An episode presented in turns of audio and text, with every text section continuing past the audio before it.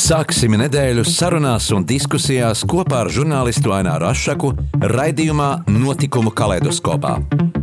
Ik pirmdienu, pulksten 13. Radio Marija Eterā. Tiksimies ar amatpersonām, interesantiem cilvēkiem, runāsim par aktuālitātēm un ikdienišķām lietām.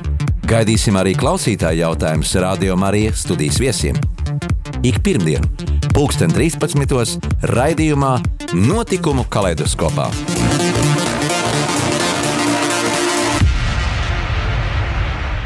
Esiet sveicināti, radio klausītāji! Ir 11. novembris Latvijas diena, visu Latvijas brīvības cīņās kritušo varoņu piemiņas diena. Un šodien valsts svētkos uz sarunu studijā esmu aicinājis Latvijas sporta žurnālistikas leģendu, triju zvaigžņu ordeņa kavalieri Gunāru Jakobsonu. Sveiks, Gunār! Virsnieku, piedod, jā, virsnieku. Jā. Kurš jau vairāk kā 60 gadus darbojas radio un televīzijas žurnālistikā, veidojis neskaitāms sporta raidījums un tiešās pārēdes par hokeju un futbolu, gatavojas reportāžu no 13 olimpiskām spēlēm. Veidojis ir bērniem, mākslē, literatūrē veltīts raidījums, un daudziem atmiņā arī palikuši Gunāra veidotie Latvijas radio mikrofona aptaujas raidījumi. Joprojām Gunāra Jākopsona balss Latvijas radio ēterā informē par notikumiem Latvijā un pasaulē. Un par darbu pasaules čempionātu komentēšanā viņš saņēmis arī Startautiskās hokeja federācijas balvu par mūža ieguldījumu. Vēl varētu turpināt un turpināt mūža veikumu uzskaiti. Bet pirms sarunas gribu sveikt radio Marija viesi, radiožurnālisti Gunāru Jākapsonu, ne tikai Lāčplēšu dienā, bet arī mūsu visu radioklausītāju vārdā viņa rītdienas dzimšanas dienā. Paldies, sirsnīgs paldies. Un prieks tevi redzēt kā alažu mundru, možu un pozitīvu, un, eh, un arī ar, ar, ar, balsi. Mums ir prieks, ka tu esi šodien atradis laiku, lai arī pabūtu kopā. Man prieks ar tevi tikties, jo esam gal galā seni kolēģi un draugi. Jā, tas arī bija pirms 25 gadiem, tūdaļ pēc Latvijas neatkarības atgūšanas. Gunār, kāds bija tas pats tavs sākums, kā bija profesijas izvēle, mm, vai tas bija mērķiecīgs eh, solis eh, doties strādāt Latvijas rādio? Vai man dieniņ, kas tur par mērķiecīgu soli, jo mm, tas bija tāds, nu, varētu teikt, dzīves trigonometrijas iemiesojums, jo es uzskatu, ka, ka mm, nu, mūsu dzīve jau sastāv no, no, no līnijām, turpinot par to trigonometriju, gan augšu, gan lejup, gan sāni sejošām līnijām, Un, protams, tad, kad tās līnijas krustojas, tad ir krustpunkti, kā mēs to zinām. Un es arī biju mm, tādā krustpunktā toreiz, biju beidzis vidusskolu, atnācis uz Rīgu. Nebija īpaši nekur dzīvot, neko darīt, nekur strādāt arī dzēn. Nu, un tad nejauši es biju iekolies toreiz Rīgas piena kombinātā, strādāju tur pa krāvēju vienkārši ieraudzīju sludinājumu avīzē, ka tiek meklēts diktors. Nu, es jau, protams, neuzdrošinājos pretendēt uz diktoru arodu, bet es gribēju apstīties, kāds izskatās radio, jo es kā lauka puisis nezināju, kur tas atrodas, kas tur notiek tajā radiofonā, un mani, mani līdz ar to saistīja, nu, kas ir mikrofons, nezināju, kas ir studijas, nezināju, nu, laidies pastur ieraudzīt kādu diktoru zvaigzni, tas jau man bija kaut kāds gaiziņa kalns un tā, Un domāju, aiziešu, apskatīšos. Nu, iegāju toreiz pa tām lielajām radio durvīm iekšā, kuras tur ļoti labi arī atceries. Vēl tās pašas durvis tikai atjauninātas. Kreisajā pusē stāvēja kāds kungs, atceros. Tas jau bija sen, sen pirms turpat 70 gadiem. Jau. Konkurs bija, konkurs jā, jā, bija. es to stāstīšu. Un es viņam jautāju, kur tas konkurs norit. Viņš man atbild tādā zemā, skaistā balsī. Tā kā tev, jā, un, un tu norit. Es domāju, ko es darīšu, kāpēc es atnācu, bet nu, ārā skriet negribējās vairāk. Nu, tā es aizgāju uz to konkursu, kur jau vecājs, jā, bija konkurss, bija kāds simt cilvēku. Nu, un tad mēs palikām seši, divainā kārtā es arī, tad mēs palikām trīs, un tad mēs palikām divi kopā ar Madonieti Jāni Ābolu. Tad mēs abecējāmies, tecējāmies, bija pēdējā tūra, nu, un tad iesauc mūs iekšā, un priekšnieks teica, par diktoru turpmāk strādās Jānis Abols. Un es paliku aiz borta. Es to pateicu savam skolotājam Borisam Potniekam, Jūra Potnieka tēvam, kurš man faktiski arī bija tēvvietā savulaik. Es no sirds viņam esmu pateicīgs visu mūžu par to, ko viņš darīja manā labā, kā komentētāja, kā diktora labā. Nu, viņš bija toreiz viena no spožākajām. Vispār ir no viena no spožākajām Latvijas balsīm. Viņš bija ļoti sarūktināts, ka es neesmu ticis, eh, bet nu, uzskats bija tāds, ka man tā balss ir pārāk zēnišķa, pārāk jaunatnīga un lai es drusku pagaidot. Varbūt, lai pamēģinot sevi sportā. Un tad es uh, strādāju kultūras parkā, jau man paņēma tur visu valsts grūbe, mans kolēģis no rādio, tu atceries droši vien. Nu, un tad es sāku strādāt kultūras parkā un trenēties sportā. Aizgāju atkal uz konkursu, tad man paņēma un 4. jūlijas 54. gads aizbraucu uz Anguri, uztaisīju savu pirmo reportāžu. Kā toreiz bija kritērija, pēc kādiem uh, izvēlējās uh, cilvēki, kas strādā radio? Mm, pirmais kritērijs bija balss. Mēs esam aizmirsuši, ko nozīmē radiofoniska balss. Otrais kritērijs bija valoda, tās bagātība vai nabadzība, kā lai to labāk teica. Tie bija galvenie kritēriji, pēc kā izvēlējās cilvēkus, lai strādātu radiofonā. Un, ja šiem kritērijiem tu atbildi, tad var iet strādāt un, protams, mācīties. Mācīties un strādāt. Jo es jau ar jaunībā es ļoti daudz arī, mums jau ļoti daudz režisors savu laikā bija radiofonā režisori un teātra režisori nāca aktieri mūs mācīt, brauc pat no citām republikām mūs mācīt. Es diezgan daudz esmu mācījies arī patstāvīgi un ja es uzskatu, ka ja tev galva strādā, tad nu, vislabākais kritiķis un vērtētājs tu esi sev pats Un darba gaitā, darba gaitā jau tā prasme nāk klāt, un, un tās prasības varbūt arī auga, bet ja tu proti analizēt situāciju, tad, tad tu vari daudz ko dot arī sev. Un toreiz jau bija tāda gradācija, arī tas arī stimulē cilvēkus. Man jau nepaņēma tur par diktoru kā tādu, man paņēma par diktoru praktikantu. Es nostrādāju gadu kā diktors praktikants par 90 rubļiem šķiet, jā. Pēc tam bija atkal konkurss, tad es dabūju trešo kategoriju. Pēc tam pagāja kaut kādi gadi, tad es dabūju otro man nedēļu, man uzreiz iedeva pirmo kategoriju, un pēc gadiem 10 vai 15 tā bija augstākā diktora dailasītāja kategorija. Tas arī stimulēja, tā bija ne tikai naudiņa toreiz, kāda tā bija, bet, nu, tas bija arī prestižs, un tas bija tāds kāpums pa, pa tām saucamajām karjeras kāpnēm. Ir vairākas paudzes pat izauguši ar taviem radio lasījumiem, radio pasakām, radio teātri. Nu, ļoti lugām. daudz, jā, man ir to lasījumu bijis ārkārtīgi daudz, sākot ar pasakām, turpinot ar dažādām literārām kompozīcijām, dzējas lasījumiem. Man bija tā laime, piemēram, strādāja kopā ar Reinādu Mīdiņu. Viņš taisīja tās programmas, mums tāds mm, raidījums ritums savulaik, kas gāja pēc pusnakts. Un tur viņš vāca pasaules izcilāko dzeidaru, izcilākos daļdarbus, tā varētu teikt. Un es tos lasīju. Nu, tā man bija laba skola arī, un ne tikai iepazinu dzēju tuvāk, bet arī, arī, arī pilnveidojos kā, kā, kā daļlasītājs. Ja atskatāmies uz aizgājušo laiku, un šodien kāda bija atbildība izējot pie mikrofona un sākot runāt? Atbildība pret klausītāju, pret uh, sevi, pret pateikta vārdu. Nē, nu, atbildība pret sevi man vienmēr ir bijusi gal galā. Savs darbs tev ir jādara, jādara labā kvalitātē, cik nu to spēju un cik tu vari un cik tu proti. Bet toreiz jau mm, prasības bija nedaudz uh, citas, tā ziņā, ka tā ideoloģiskā līnija bija ļoti spēcīga, un tu nedrīkstēji novirzīties ne pa labi, ne pa kreisi no teksta. Ja? Un uh, vienīgā mm, teiksim, tāda oāze, kur tu vari izpausties, tas man bija sports. Tāpēc es arī droši vien izturēju visas tās eh, tos barjeras, kas tika liktas priekšā. Jo sportā tomēr, nu, nu sports ir sports, tad to ideoloģiju tu vari jau pīt kaut kā iekšā, bet nu, tā bieži vien neiedars uh, sportā. Un tur arī tā, ne tikai tā tekstuālā brīvība bija cita, bet arī runas brīvība bija cita. Un es lielā mērā mm, to savu runu padarīju tādu, tādu it, kā, it kā tādu modernāku, varbūt uz priekšu vairāk ejošu, lielā mērā arī pateicoties ne tikai sportam, bet arī savam rokrakstam. Nu, es ļoti gatavojos vienmēr reportāžām, un man bija vienmēr tāds rezerves līdzi, nu, varbūt 15, 20 lapus līdzi, nekā tev tur trīs lapiņas, ja? Nu, es iztērēju kādu vienu trešo daļu, bet um, rez, nu, rezerve jābūt, lai tu aizpildītu pauzi, ja, nu, ja pauzi, sportā pauzes rodas, ir 5 minūši, ir 2 minūši, ir... Tri... Enciklopēdija. Jā, jā, nu, ar enciklopēdiju vien nevar, arī enciklopēdija bieži vien mani pievīlusi, un es vairāk paļāvos īpaši, teiksim, manas darba dzīves otrajā pusē, pusē jau uz, uz pierakstiem.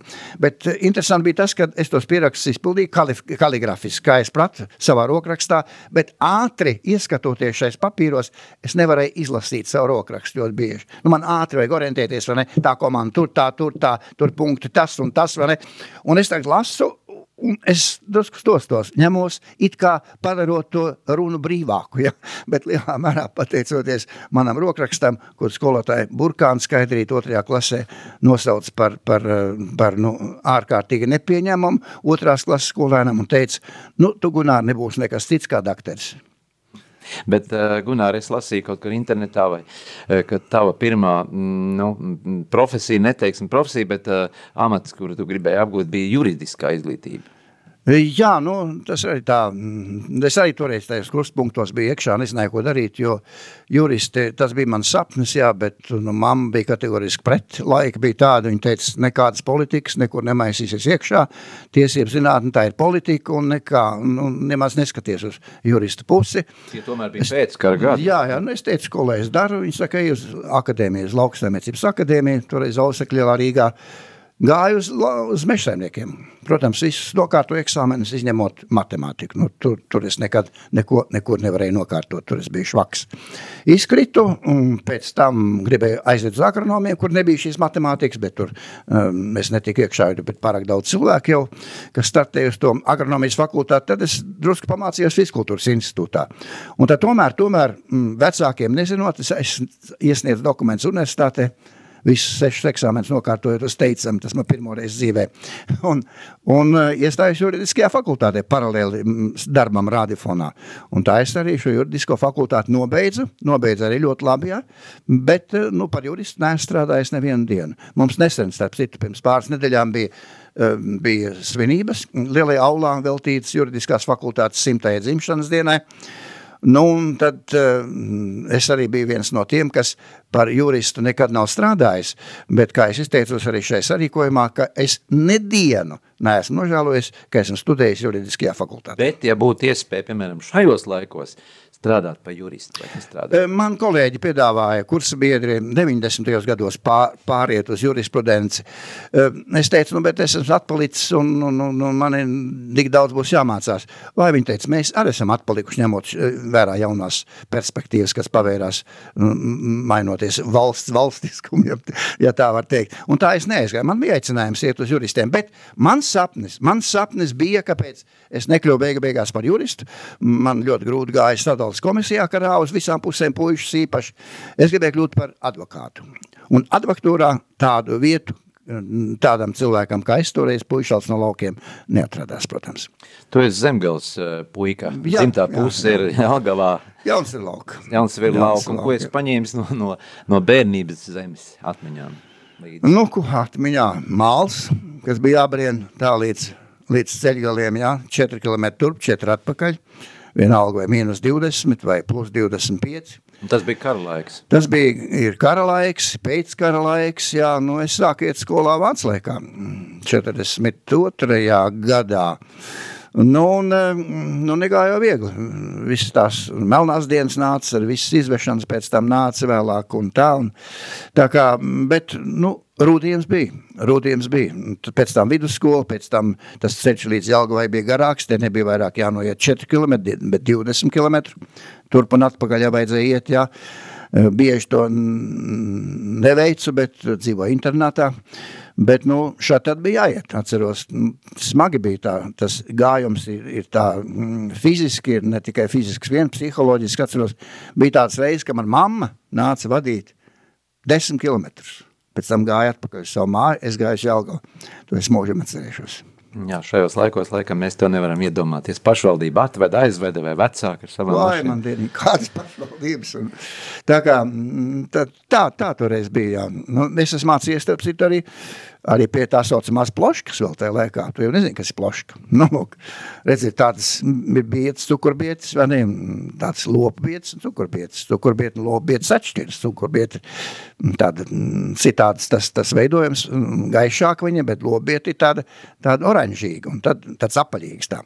Un tad tām lopbietēm izurba tādu bedri, tā vietē, tad ielēja taukus, ielikt tādu takti iekšā, nu, tādu audumu, tādu gabaliņu, un tad aizdedzināja, un tad bija kaut kāda uguntiņa, pat svetes toreiz nevarēja dabūt. Un pie tās ploškas es esmu mācījies, piemēram, otrajā klasē, arī trešajā klasē, tādi bija apstākļi. Elektrība mums ievilkas, nezinu, kaut kur 60. gados, mamma bija ļoti pret, uzskatot, ka elektrība ir bīstama, un mēs bijām viena no pēdējiem pilsētā, pagastā, kas šo elektrību ievilka. Jā, bet tagad uh, muzikālā pauzīte atgādina mūsu klausītājiem, ka šodien Lāčplēšu dienā mūsu viesis ir uh, pazīstamais radio žurnālists uh, Gunārs Jakobsons Leskan. Gunār, tava paša iedziedātā dziesme Latvijas radio studijā no sporta diska.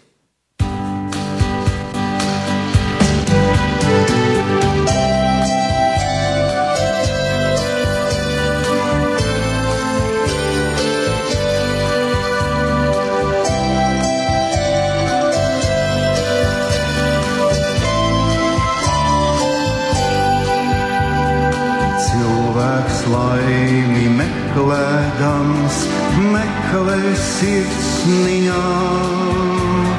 Ārējais gods ir izzūdams, kā sniegs vasarā.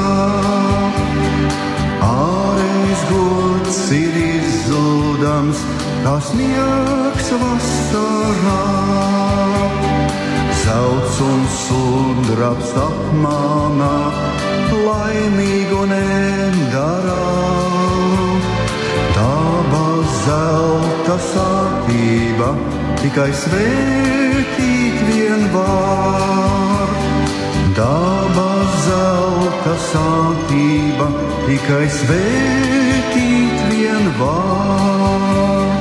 Katrs klusām priecājas, labu darīt sirdi apzinās, ir kā debesīs. Un to sirdi apzinās, ir kā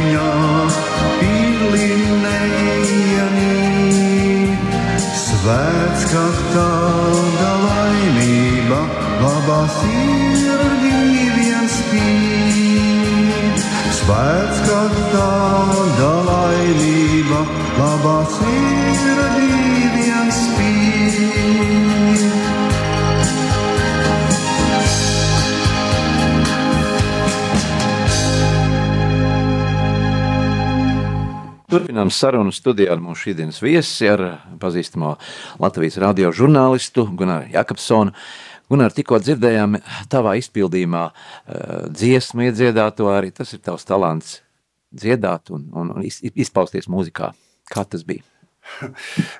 nu, kas attiec uz šo dziesmu, tā ir sena vēsture, ļoti aizkustinoša. Šo dziesmu uzrakstījis tev zināmais Evers Šits, mūsu kolēģis. Un dziesma tika uzrakstīta sakarā ar to, uh, kā man uzticēja toreiz ierunāt 14 turpinājumos mm, punktiņu un Antonu, to jauko bērnu gabalu. Un tur šī dziesma skanēja. Aivars šo dziesmu uzrakstīja, un nepagāja ilgs laiks, kad viņš aizgāja aizsaunē. Tā, tā radās lūk šī te dziesma. Nu tā. Jā, arī man toreiz bija raidījums radio piektais ritenis, ierakstījām mm. disku, starp citu, tā mēs esam vienlaicīgi to Jā. darījuši. Nā. No daudziem klausītājiem man pats to var apgalvot, ka tava balss nenoveco. Tas ir tā kā faktiski Latvijā jau brands. Kur ir tas noslēpums, ka balss saglabājas un balss, kā skanējis agrāk, tā tā skan tagad? Es ne, tas, tas ir vienkārši kompliments no tevis, paldies. Bet es domāju, ka kur tas slēpjas, balss jau saistās ar, ar pašu kopumā. Ja? Balss jau izsaka, kāda mēs esam lielā mērā. Un es domāju, te man jāatmin mans uh, radītais, es uzskatu, teiciens. Jā, man ir tāds uh, sakāmais, ka vienmēr, to es mācu pirmkārt savai lotiņai, mazmeitai, vienmēr turi degunu augstāk par degunu galu. Un es to esmu centies arī savā dzīvē darīt. Ja? Un es to degunu vienalga kādā situācijā esmu centies nenolaist. Nu, vismaz pārāk zemu. Un nelūkoties bieži uz pungaliem, ejot pa ielu, bet vairāk paskatoties debesīs, saulē. Un es domāju, ja tas ir noslēpums, tad tur ir tas noslēpums. Jo tu jau vari, tu jau vari samīcīt sevi ļoti ātri, zaudēt ticību dzīvei, vai, vai liktenis tev tā iegrozies. Nu, un tu, tu paliec apakšā. Nedrīkst palikt apakšā. Arī balsts paliek apakšā. Laikam ejot, jāsaka, tehnoloģijas mainījušās. Kā tas bija tajā laikā, kad tur ienāca Latvijas rādio studijā, kāds tur bija aprīkojums. Šodien mēs sēžam pie kompjūteriem. Tajā laikā pat mēs laikam iedomāties nevarējām, ka mēs varam dziesmu paņemt no kāda interneta vai, vai kas Nu, tas te internets. lepni dzīvoju, es skatos. bet, bet nu, toreiz bija galds, bija 4. un 5. studija apmēram tāpat saglabājušās kā tagad, kā toreiz, jā. Bija rakstām galds faktiski studijā. Studija apmēram tikpat liela kā šī bija, nu, ne tik moderna, protams, ar visiem tiem drapējumiem tur tā. Eh, Uz galda bija tāda pults neliela, apmēram tikpat liela kā šis te dators, jā. Un tajā pultī bija viens slēdzis. Augšup, tas nozīmē mikrofons ieslēgts, lejup, tas nozīmē skan mehāniski raidījumi, skan dziesma vai mūzika. Skan. Skaļāk, klusāk Un, un vidiņā, jā, nu, skaļāk, klusāk to regulēja uh, operators, kas sēdēja režijā. jo Toreiz mums studija un režija. Uh, Vienā telpā bija tehnika, vienā telpā bija cilvēki, kas, kas runāja. Un tā tas strādāja viss kopā. Mehānika mums bija magnetofoni, lielie, milzīgie magnetofoni, varbūt atceries arī tu. Tie bija citā stāvā. Ar lentām. Jā, jā, lentām, jā, bet signāls aizgāja uz turieni, teiksim, diktors pasaka, um, tagad skanēs putvēņi, noslēdz pul, s- to uz leju, to slēdzīt, un augšā redz metāns, kad iedegās putvēņi, uzliek putvēņi un skan tālāk. Pēc tam es atkal turpinu runāt. Dabīgi, ka šīs tehnoloģijas nav salīdzināmas, un te nav, nav ko komentēt un nav ko runāt. Tagad ir, tā ir cita pasaule, no kurām daudz es arī nezinu un nesaprotu un nekad nesapratīšu. Ja man kaut kas jāpajautā mājās eh, saistībā ar datoru vai mobilo telefonu, protams, es vēršos pie mazmētes. Jā. Es mācās 4. klasē. Savs lielākais mūža ieguldījums ir uh, sportā. Uh, vairākas, kā jau sākumā minēja, Olimpiskās spēles, pasaules čempionātu un reportāžu. Un vienmēr esmu apbrīnojis tavu uh, to operativitāti, un, un, un, atjautību un uh, sporta pārzināšanu. Kā, kā, kā tas ir pārzināt šīs visas sporta disciplīnas, basketbols, futbols, hokejs? Nu, jā, atklāti sakot, nu, sports tas ir ātrums pirmkārt, ja, un arī komentētāja runas ātrums. Es to es ļoti daudz trenēju. Plus dikcija, ja, jo, ja tas neiet kopā, tad, tad uz sportu nevar komentēt. Man bija kaut kur rekords, kaut kur savulaik ziedlaikos pie 300 vārdiem minūtē. Jā, pie 300 vārdiem minūtē. Bet, kas attiec uz sporta veidiem kā tādiem, tad es gan neesmu šaudījies un mētājies. Es neesmu komentējis tā īsti komentējis daudzus sporta veidus, bet mani sporta veidi, protams, es runāju par daudziem dažādiem sporta veidiem, bet mani sporta veidi, galvenie sporta veidi bijuši futbols vasarā un hokejs ziemā. Tā tas gāja no gada gadā, no gada gadā, kādreiz Daugavas stadiona mazā arēna bija manas mājas 25 gadi. 25 gadi. Pēc tam sporta pils 25 gadi, kuras komentēju hokeju. Pēc tam es sporta pilī komentēju kaut vai mikrofona, lielos leģendāros koncertus. Pēc tam es sporta pilī strādāju sarīkojumā sporta laureāts. Turpat desmit gadus šis sarīkojums stākās 81. gadā. Tas bija liels tāds mākslas, kultūras un sporta pasākums toreiz. Tā kā sporta pils arī ilgus gadus bija manas otrās mājas. Nu, jā, par to, par to pašu sportu. Uh, bet uh, bija taču arī daudz tādu kuriozu, kuriozu situācijas. Varbūt atcerēs kādu tādu nu, interesantu situāciju, kuriozu, ka kaut kas nesanāca vai, bija Par pārpratums. kurioziem man jau kā kolēģi Līna Rucona šodien vaicāja man, Gunār, man jautāja par kādu kuriozu situāciju manā darba dzīvē šeit radiofonā, vai jūs man nepalīdzētu atcerēties. es sāku smieties, es arī bieži vien jautāju, es intervijās kuriozākās situācijas. Es atklāt sakot, neesmu meistars uz šīm kuriozām situācijām. Es domāju, kāpēc? Droši vien lielā mērā tāpēc, ka es nu, tā nu, vecmodīgi vienmēr esmu gatavojies šīm pārraidēm.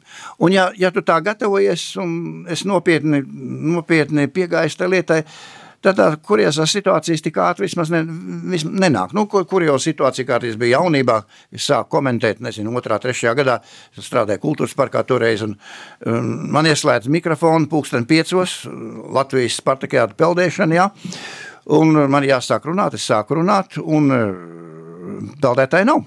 Peldēšanas, ne, ne, peldēšana nenotiek. Es toreiz norunāju kādas 15 vai 20 minūtes, izmantojot tos savus rezerves materiālus, ko es teicu.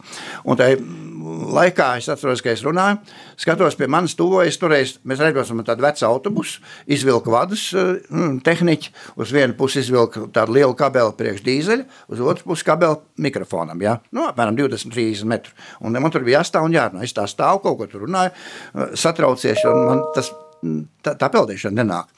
Un par to pļaunāk tāds stāvs, tāds līgans, tāds nedaudz tā, it kā uz mani tā mērķē, Es skatos, ka viņš nesaprot, ko es tur stāvu pļavas vidū un, un burbulēju kaut ko. Un, bet nu, tāds iesildes cilvēks bija jautrs, un tā es jūtu, ka viņš man tā zina. Es ar kultūras parkā tur maisījos, ja? un nāk aizvien tuvāk klāt. Man ir mikrofons ieslēgts. Ja? Tieši tā. Visi ir tieši tā. Visi iet gaisā. Nu, es nezinu, kā es no viņa toreiz tiku vaļā. Nu, tāds kurjos, kas nokrītas būtībā no gaisa. Ne, ne jau manas vainas dēļ tas radies vai kā. Jā, tev radio kolēģi kādreiz teica, ka viņi īsti nesaprot, kad tu uh, jokoji jokojies, kad tu runā nopietni?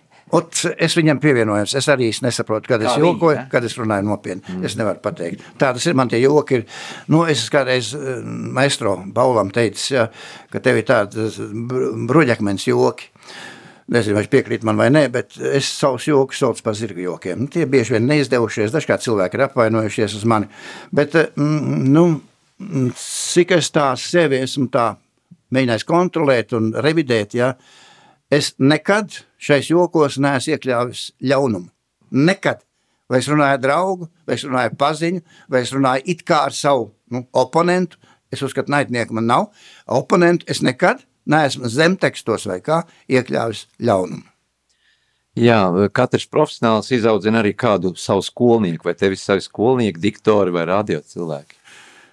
Nu, ziniet, kurus var uzskatīt par skolniekiem, kurus ne. Man ir bijuši daudz to skolnieku. Zinu, ka es savulaik vadīju lielu redakciju, literatūras, mākslas, kultūras, sporta un, un, un, un tā tālāk, un tā tālāk, radio un televīzijā. Un to skolnieku, nu, nosacīt skolnieku ir bijis daudz, droši vien, kuriem es esmu palīdzējis, bet, nu, par tādiem mana darba turpinātājiem, uh, nu, ko es varētu nosaukt. Tad jau var sākt saukt, teiksim, mēs pat eh, sēdēju žūrijā, kad pieņēmām darbā Sanu Grāzupu. tā kā, tā kā, bet mm, par skol, skolnieces viņu nevarētu nosaukt. Viņas mācījās pie citiem, pie citiem runas pedagogiem, bet pie manis ir sācis tāls eipurs, piemēram, strādāt tagad izcils žurnālists radio un televīzijā. Es esmu sācis kopā strādāt, un es domāju, daudz palīdzējis viņam mm, Arnim Blodonam, piemēram, ar kur esam bijuši arī olimpiskajās spēlēs un ne tikai olimpiskajās spēlēs vien. Tā kā mm, tos, tos, tos bērnus, es saku, tie ir radio mani bērni. Tāds es varētu saukt diezgan daudz, un es domāju, ka um, maz kāds no viņiem apvainotos, ja es sacītu, ka nu, viņš ir mans, mans skolēns. Es domāju, ka nu, bija arī tādi gadījumi, kuriem, par kuriem negribās īpaši atcerēties. Man bija tāds niķis kādreiz, ka es, būdams vadītājs, toreiz redakcijas vadītājs, neņēmu darbā meitenes uzskatot, ka, ka radio korespondentu darbs, reportieru darbs nav piemērots daļajam dzimumam. Un es tagad nesaukšu, nesaukšu kolēģis, tagad, kas nāca pie manis savulaik pēc universitātes pieteikties darbā, un es gluži vienkārši viņām atteicu. Kurvīt iedeva? Iedeva kurvīt, jā. Mm, ja mūsu kāda no viņām klausās, tad es atvainojos, protams, bet toreiz man bija tāda nostāja. Patiešām man pat savu laiku pie manis strādāja nevis sekretāre, redakcijas sekretāre, bet sekretārs. Tas bija Ivars Vilāns, kas bija mans sekretārs savulaik. Mm. Tagad bankas cilvēks. Jā, olimpiskās spēles, vairākas olimpiskās spēles, eh, tie bija padomju gadi, kad jau tu pirmo reizi devies ārpus Latvijas robežām un ieraudzīji sporta dzīvi pavisam citā skatījumā. Pastāst par to laiku, par pirmām olimpiskām spēlēm, kuras... No pirmās olimpiskās spēles tas bija tāds, tāds sapnis, kur es sapņoju, izsapņoju, ja, un, un ļoti negaidīti tās nāca, jā. Tu jau zini, ka padomu laikā bija tāds visvarens termins kā blats. Atceries, jā. Jā, jā tu bija- biji pārāk jauns tur. Bija, bija blāts. Blats, jā, nu, bija tāds gadījums, uz Rīgā atbrauca eh, Čaikovska. Tā bija izcila, viena no pasaules izcilākajām daļslidošanas treneriem, un viņas draudzene Ļuda Dobrova no laikraksta Sovetskija sporta. Nu, un man viņas vīrs, Saša, teica, Gunār, vai tu nevari iekārtot šīs divas dāmas jūrmalā vasarā uz desmit dienām? Toreiz jūrmalā vispār nevarēja tikt iekšā. Bija pārblīvēta, jebkura pažobela bija aizpildīta jā, cilvēkiem, un ņigu ņēgu tur gāja, nu nevarēja dabūt tās vietas. Nu, es kaut kā sadabūju to istabiņu viņām jūrmalā. Toreiz braucot uz jūrmālu, sasītu vēl te pie slokas ielas savu zaporožets, kas man toreiz bija. Bet nu, tas nu tā, viņas nodzīvoja, nu, acīm redzot, itiņ jauki tajā jūrmalā. Un aizbraucu uz Maskavu atpakaļ. Un pagāja kaut kāds laiks, neatceros cik. Man zvana Saša no Lekras Svetskijas sporta. Gunār, hoķis iekaķi na olimpijski igri. Grib braukt uz olimpiskajām spēlēm. Pauze. Gribu. Kā ar to dokumentus brauksi? Tā es aizbraucu uz savām pirmajām olimpiskajām spēlēm. Un kur tas? Uz Saporo. Saporo. Saporo, Japānā. Jā. Tās bija mans pirmās olimpiskās spēles. Nu, lūk tā. Tā, tā kā tur jau nu, olimpiskās spēles, jau tu pirmo reizi aizbrauc, tu, tu jūties kā mežā, tādā brīnumainā mežā. Tu praktiski daudz ko nesaproti, daudz ko nezini, bet, bet nu, tā emocionālā puse tur ir, tur ne, neizsakāma. Piemēram, bijis tā, ka tu stāvi eh, Olimpisko spēļu atklāšanā un skaties šo vareno priekšnesumu un tev asars acīs. Tā, nu, tas ir aizkustinoši. Uz spēlēm nav jābrauc, teiksim, skatīties tā tīri mehanisks sportu, ja, bet tur ir jābrauc izjust. Ja tu vari šīs spēles izjust, tad tas, nu, nu, tā ir liela bagātība. Es uzskatu, ka Olimpiskās spēles tā ir vispār viena no cilvēces visizcilākajām bagātībām. Un pēc Latvijas neatkarības, kad devies jau kā neatkarīgās Latvijas sporta žurnālists. Nu, tad, bija, tad bija cits status. Redz. Līdz tam jau mēs bijām pakļauti Maskavai arī, arī, arī, PSRS. arī, arī, jā, arī kā, kā, kā žurnālisti. Jo pirmkārt, mēs bijām kopējā grupā, cik nu mēs tur tikām iekšā, ne, vien, vienmēr jau netika iekšā. Ja? Un otrkārt, mums nebija tās tehniskās iespējas, redīšanas iespējas. Mums nebija savu kanālu, nebija savu studiju tur. Tas viss gāja caur Maskavu, un ja tev kaut kur ielaida eh, maskavieši draugi pēc savā studijā, kaut ko noraidīts uz Rīgu, tad to var izdarīt. Ja nē, tu izmantoji telefonu, gaidot pa 3 un 4 stundas sarunu, ja arī tāds laiks bija, gaidījām 3-4 stundas, lai savienot ar Rīgu un kaut ko varētu ierakstīt Rīgā no olimpiskajām spēlēm. Tā kā nu, tagad olimpiskās spēles tā ir, tā ir milzīga moderna tehnoloģija, ja, kur nu, salīdzināt ar, ar tiem laikiem, kad es eh, sāku ar sportu nodarboties, nu, nav, nav jēgas salīdzināt. Tas Jā. cits dažāds pasaules. Sarunu turpināsim studijā pēc muzikālās pauzītes. Atkal, lai skan uh, Gunāra iedziedātais skandarbs, un skandarbs ir tāds ziemisks. Jā, Putenī, kopā ar. Sandru citu. Kopā ar Sandru Glāzi. Putenī, jā. Mm. Jā, lai skan dziesma putenī, jo novembris ir tomēr arī puteņu mēnesis.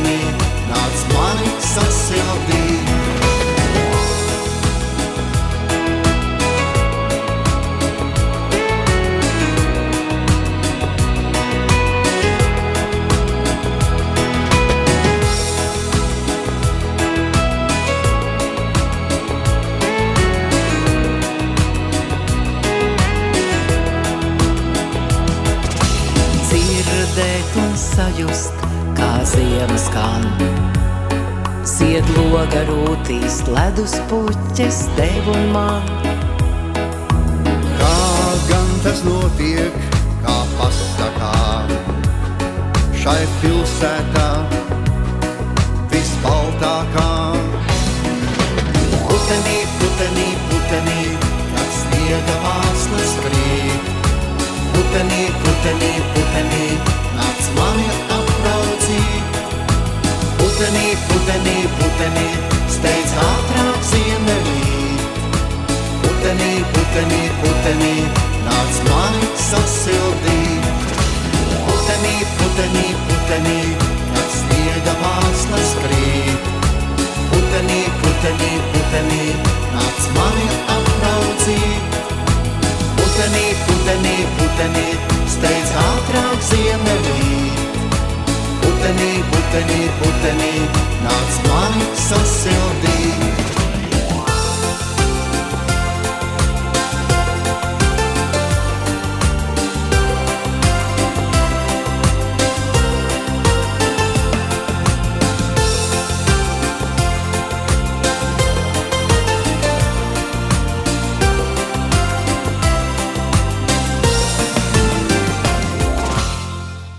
Turpinām sarunu studijā ar mūsu šīdienas viesu, ar, ar leģendāro žurnālistu Gunāru Jākapsonu. Eh, No savas bērnības atceros eh, šos jaukos sirsnīgos raidījumus, muzikālos raidījumus, mikrofonu aptauju. Un tad eh, zemtekstos pat arī tad jau es kā bērns atceros un šīs sajūtas, ka tajos raidījumos varēja kaut ko just tādu nu, sirsnīgu, nepateiktu oficiālajās pārraidēs, kur tika pieminēta politika. Tas raidījums atšķīrās ar kaut ko tādu, nu, nu ar tādu zemtekstā. Gunār pastāst par mikrofonu laikiem. Jā, nu tā tas bija. Mm, Tie bija jauki laiki. Mikrofons jau faktiski radās eh, pateicoties Amerikas balsī. Tā mēs varētu teikt. Jā. Jo cilvēki klausījās toreiz Amerikas balsi, cik nu varēja saklausīt, jo toreiz bija tas zāģis eh, visam pāri. Tu jau nezini, kas ir zāģis. Zinu, atceros. Kas iet pāri tekstiem? Un tad eh, daudzās vietās nevarēja saklausīt to balsi. Varbūt kaut kur laukos dzirdējām, tādos nostūros.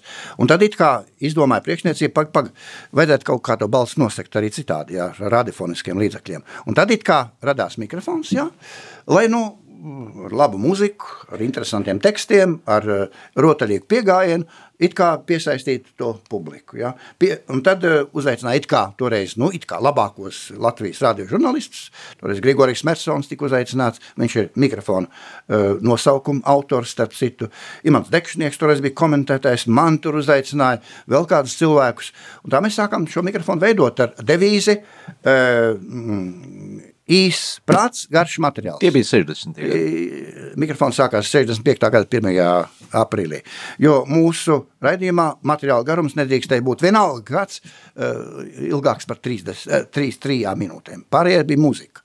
Nu, mūzika, kādu mēs varējām dabūt. Kaut ko piespēlēja Maskavā, kaut ko pagrīdē mēs dabūjām. Nu, kaut kas bija mūsu fonotikā. Nu, mēs centāmies nu, kaut ko tādu druscīt, druscīt kaut ko. Bet mm, to bija grūti izdarīt. Piemēram, es mikrofonā atvēru, mm, tad, kad sākās jau aptauja. Es 68. gadā sāku aptauju, ja, eh, mikrofonu aptauju par gadskārtējo dziesmu populārāko. Es uztaisīju tādu vectētiņu, vecmāmiņu stūrīti. Un pirmajā kad divi raidījumi izskanēja. Pirmajā, man liekas, man bija uh, instrumentāli, instrumentāli pie dzintara jūras, uh, vecais ratiņš un vēl kaut kas instrumentāls. Un uh, to raidījumu noklausījās uh, mūzikas redakcijas galvenā redaktore toreiz un noņēma nost. Jo nedrīkstēja skanēt nu, buržuāziskās Jā. Latvijas meldiņa un vācu šlāgeri, starp citu. Ja? Bet- Toreiz bija nu, tāda stingra noteikuma, bet, kas attiec uz mikrofonu, tad jau drusku jau laida tā brīvāk, jo, jo tad jau tev neviens neklausīsies, ka tur raidīs to pašu mūziku, ko, ko citās programmās. Un, lai kā tas arī nebūtu, tas džins tika izlaists no pudeles, un, un um, mēs paveicām beig beigās to ar savu radošo potenciālu lielā mērā, ko nebija gaidījis it kā neviens, ja? Un mēs to publiku sākumā atnāca daži desmit vēstuļus, pirmo aptauju. Pēc tam rekords mums bija 86,000 vēstuļu. Un uh, sniedziņš balts, brāļa ziemeļa, saņēma, tad punkti tika skaitīti 120 tūkstoši punktus. Tas bija fantastiski. Tas bija fantastiski. Mēs šo klausītājs, kas, kas bija sākumā ļoti inerts, ļoti bailīgs, ļoti, nu, nu, nu, nu, nu, nu kāds nu, tas bija, tāds tas bija. Nu, cilvēks bija nospiests arī materiāli, un ne tikai materiāli vien, protams. Un mēs tomēr viņu atraisījām un, un dabūjām to saikni ar to klausītāju. Un, un, nu, tā tas bija. Piemēram, es savā laikā dzirkstelē strādāju, kad es aizgāju uz dzirksteli pēc tam. Mēs saņēmām pirmo gadu 16 vēstules. Jauniešu raidījumu jā, jā, to es arī vadīju toreiz. Mm. 16. Bet tad kopā ar Raiti Kalniņu 80. gadā, kad Maskavā Olimpiskās spēles bija, mēs uztaisījām konkursu gadu garumā veltīt Olimpiskajām spēlēm. Uh, Labāk aizbrauc uz Maskavu, trīs cilvēki aizbrauc uz Maskavu kā balvās, un uh, uh, tad mēs saņēmām vairāk nekā 10 tūkstošu vēsturi. Tā kā var iekustināt to riteni. Nu, nu, nu tā. 60. un 70. gadi bija arī maistro Raimonda Paula karjeras un izaugsmes laiks, eh, kad eh, viņa dziesmas eh, kļuva populārs un mikrofona aptauja arī pacēla viņa popularitāti. Kāda bija tava sadarbība ar maistro? Nu, vai dieniņ, tā joprojām turpinās. Mēs jau Jūs esat laika biedri arī. Nu kā, mēs jau kopā skaitām tos gadus, tā kā mums radiofonā tagad kāds 130 gadu nostrādāt kopā. Šodien mm. maistro paskaitījām. Tā kā mēs jau esam, nu, ilgu laiku kopā bijuši, tad, kad viņš strādāja tur sekstetā un, un trio, viņš strādāja, vadīja vai, vai piedalījās, neatceros jau tais laikos, jā. Tie bija patiešām 60. gadi, kad radās pirmās dziesmas, nu, nu tur ziemas vakars vai kas tur bija, nenosūtītā vēstule. Nu, tad jau mežozīt nāca Es slavenā- atceros ar mežrozīt. 68. gadu. Tā vinēja 68. gadā, un tad jau Rēmons arī pats teica, viņš saka, nu, kamēr tā skanēja kultūras namos, īpaši kur zemes pusē, tikmēr, nu, kā bija, tā bija. Ieskanējās radio, tas bija cits ceļš dziesmai. Tā tā dziesma, un tā tās dziesmas aizgāja. Mēs zinām, ka Pauls vinēja 11 uh, aptaujās pēc kārtas. Viņš, kā saka, nepārspēts uzvarētājs. Bet pienāca laiks arī, kad to mikrofonu pieklusināja. Jā, nu, pavisam ātri pieklusināja. Man bija pirmais koncerts 71. gadā, jo pirmie trīs mm, aizgāja tā studijā. Pirmās trīs aptaujas mēs studijā apbalvojām tos dalībniekus un tā, bet tad es aizgāju uz mazo ģildi, tur sarunāja direktoru toreiz Edilnieku, ka tur notiks pirmais mūsu koncerts. Tas notika pie pārpildītām, mm, pārpildītām sēdvietām lielajā zālē ģildē. Un uh, tūlīt aiztaisīja mikrofons iet. Tad mēs kā pieci gadi neskanējām. Tā, kā, tā tas bija. Jā. Pēc tam līdz 82. gadam, 83. gadā arī neskanēja vairāk mikrofons. Nu, un tad atjaunināja šo mikrofonu 84. gadā, un tas tā paskanēja, paskanēja, paskanēja, bet ar vienu, ar vienu tā klusāk, klusāk, klusāk. Jo tad jau sākās tautas fronte, Jā, atmoda, nu, un tad tās dažādas noskaņas tās, dažādas tās, tās muzikālās izpausmes bija televīzijā un radiofonā, un tur bija tāda muzika un tāda muzika un tāda muzika. Man mikrofons bija iecerēts tā, ka uh, mēs raidām muziku nevis komponistiem, ne tur profesionāliem dziedātājiem, ne muzikologiem. Mēs raidām, tā teikt, tautai, skaļi teikt, bet tautai. Tai kundzei, kas tur ravēja tās bietas savā dārziņā, vai tam kungam, kas brauc ar to zirdziņu, vai federē zemi, vai kā. Un uh, viņam nav tev jāsaka, man patīk šie dziesma, tāpēc, ka nav vajadzīgs tas tāpēc, ka viņš var pateikt, man patīk šie dziesmi, es gribu, lai tu tos dziesmu spēlē. Bet, kad sākās tā aptauja, tā sadrumstalot jau sākās, tur eksperti sāka piedalīties, tur jau noteica labāko un populārāko dziesmu vai otrādi, vēl tur debitanti nāca klāt, nu, bezjāgā parādījās visādas tādas nominācijas, un tas jau manā uzturē bija mikrofona gala sākums. Sākums. Uh, Gunār, tu piekritīsi, ka agrāk tomēr tā muzikālā gauma visiem bija tie mammai patīk, tētim, vecmāmiņai un bērniem. Visi klausījās. Šobrīd laiki ir mainījušies, ir šavā, savādākas dziesmu kategorijas. Tas, kas patīk vecākai paudzei, tas nepatīk jaunākiem. Jā, diemžēl man jānopūšas. Man arī tas muzikāls konflikts ar savu mazmeitu. Viņai patīk pilnīgi citas dziesmas, man citas dziesmas. Bet droši vien, ka tā tam arī jābūt. Droši vien, ka tā tam arī jābūt. Tā kā Jā, sadarbība ar Raimondu Paulu. Uh, Studijā tu esi kaut ko arī komponējis pats vai rakstījis uh, dzējas, dzējas tekstus kādreiz?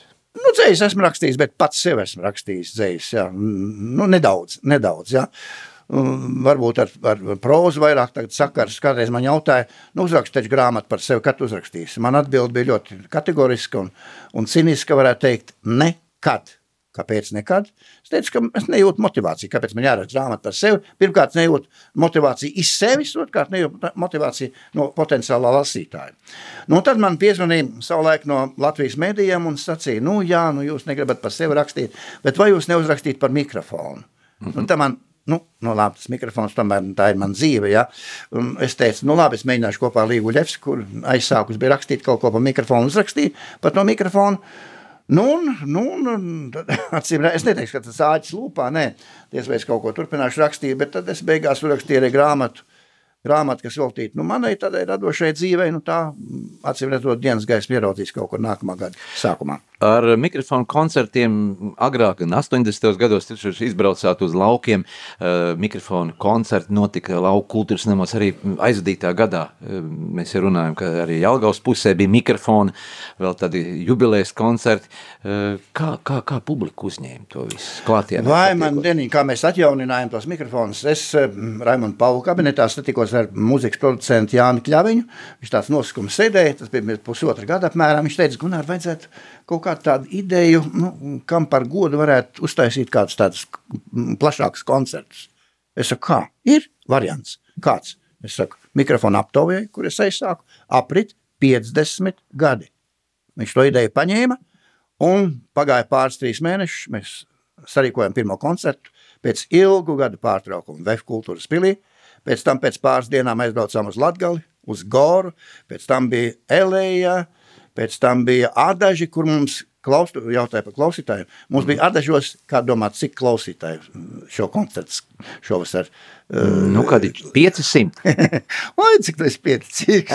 10 tūkstoši klausītāji. 10 tūkstoši klausītāji. Tas parāda to, ka, ka, ka nekas nav aizmirsts. Jā, mums bija koncerts Lejas ciemā, mums bija koncerts Līvānos. Tā kā daudz koncerti ir bijuši un būs vēl, un būs vēl. Un, nu, es ar lielu prieku, gandarījumu un un sirsnību tādu mm, sevi. Es, es, es pat īsti neticu, ka tā tas ir. Un tie bija vecāki gadu gājumi ļaudis, ja arī jaunieši? Ja atceras pirmo koncertu Vefā, kur es vadīju kopā ar Līju, mm -hmm. tad es tā pārlaidu acis zālē, bija vecāka gada gājuma cilvēki. Bet tas man neizbrīnīja. Bet man izbrīnīja koncerts, kur es vadīju Adažos, kur tie desmit tūkstoši bija. Tur bija pilna vismaz priekšpuse ar pusauģiem, ar jaunām meitenēm un puišaļiem. Lūk, tas man patīkami pārsteidz. Tas man pārsteidz. Jā. Uh, jā, un tad pienāca laiks, kad uh, bija tā neatkarība. Latvijas radio, tāpat televīzijai uh, bija svarīga loma uh, neatkarības atgūšanā, informēt par, par notikumiem, kas notika Doma laukumā, par omonu apšaudēm. Par to laiku, kā tu atceries tieši šo uh, radio laiku, kad, kad, kad mēs, mēs cīnījāmies par savu brīvību. To es atceros tieši Tieši tāpat kā tu. Viss gāja, kā saka, karsti un, un, un, un, un diezgan operatīvi. Sāk, jā, operāt, operatīvi sākumā diezgan tā, nu, nu, nezinoši, kas būs pēc pusstundas vai stundas, kas būs rīt, to mēs nezinājām, kā tas būs, bet mēs turpinājām strādāt, sākumā no Doma laukuma, pēc tam no citām vietām turpinājām raidīt, nu, bet tie raidījumi nepārtrūka, un acīm redzot, tam tomēr bija liela loma, ka mēs šodien sēžam šeit un tā brīvi, mierīgi, mīļi, sirsnīgi sarunājamies. Jā, mums saruna tuvojas noslēgumam, un uh, kāds, Gunār, tavs novēlējums mūsu radio Marija klausītājiem, uh, mūsu klausītājiem, kuri, kuri klausās gan Latgalē, gan arī Kurzemē, tur, kur visur mūs dzird, jo šodien ir tāda uh, svētku diena, La Latvijas karavīru piemiņas diena, un kāds ir tavs novēlējums? Nu, kāds ir mans novēlējums? Es domāju, ka mums dažkārt pietrūkst sirsnības, pietrūkst saticības, pietrūkst savstarpējās izpratnes, pietrūkst cilvēcības. Es domāju, ka lūk, mans novēlējums būtu, ka vairāk, lai mums būtu šīs cilvēcības, šīs savstarpējās cieņas, šīs palīdzīgās rokas, kur mēs viens otram varam pasniegt grūtā brīdī, kādu nav bijis mazums, un droši vien būs arī turpmāk. Nu, es gribēju, lai mēs vairāk būtu kopā, tad mēs būtu lielāks spēks, tad būtu vieglāk dzīvot, vieglāk izdzīvot, ticot arī gaišām dienām, kas, es ceru, sagaidīs, ja ne mūs, tad mūsu bērns un mazbērns nākotnē. Paldies arī tev, ka tu biji pie mūsu mikrofona un lai tev balss skan tikpat eh, mūži un spoži, kā tā ir skanējusi līdz Paldies šim. tev. Un uh, noslēgumā gribētu pateikt arī, lai tev jauka dzimšanas diena, kā jau sākumā minēju, dzimšanas diena 12. novembris. Bet uh, izskanot un atvadoties šodien, uh, es gribētu mūsu klausītājiem mm, pateikt tādu noslēpumu, ka nākamā, nākamais skandarbs, kas būs, tas uh, vēl nekur, nekur nav skanējis. Un uh, tas ir Gunārs ieskaņots ar, ar mutes ceremoniju, kā nedaudz par to pastāstīt. Jā, no mutes cermonīgas es spēlēju jau no trīs gadu vecuma, varētu teikt. Jā, tad bija pārtraucis varbūt gadus 30 vai 40 ar nieka laiku. Jā, tā. Un tad pie manis atnāca uz 50. dzimšanas dienu mm, Edgars Liepiņš, sens draugs paziņa. Un viņš man sveica, nospēlējot pāris melodijas ar savu eh, mutes harmoniku. Un tā man kaut kā mm, ieķērās tā mutes harmonika, atcerējos, domāju, pagam, man jāuzspēlē atkal kā bērnībā. Tā es atsāku spēlēt, un atklāt sakot, es labprāt iesaistītos kādā tādā lielākā um, šī, šīs mutes harmonikas cienītāju kompānijā. Jā, Paldies! Tas... Paldies, ja starp mūsu radio klausītājiem kāds, kas spēlē varbūt mutes harmoniku, kas arī varētu pievienoties tādam mutes harmoniku ansamblim, kurā mēs varētu arī aicināt tevi uh, spēlēt. Paldies, Gunār, ka atnāci uz studiju vēlreiz, un lai skan šis, uh, šis tavs ieskaņotais skandarbs. Paldies!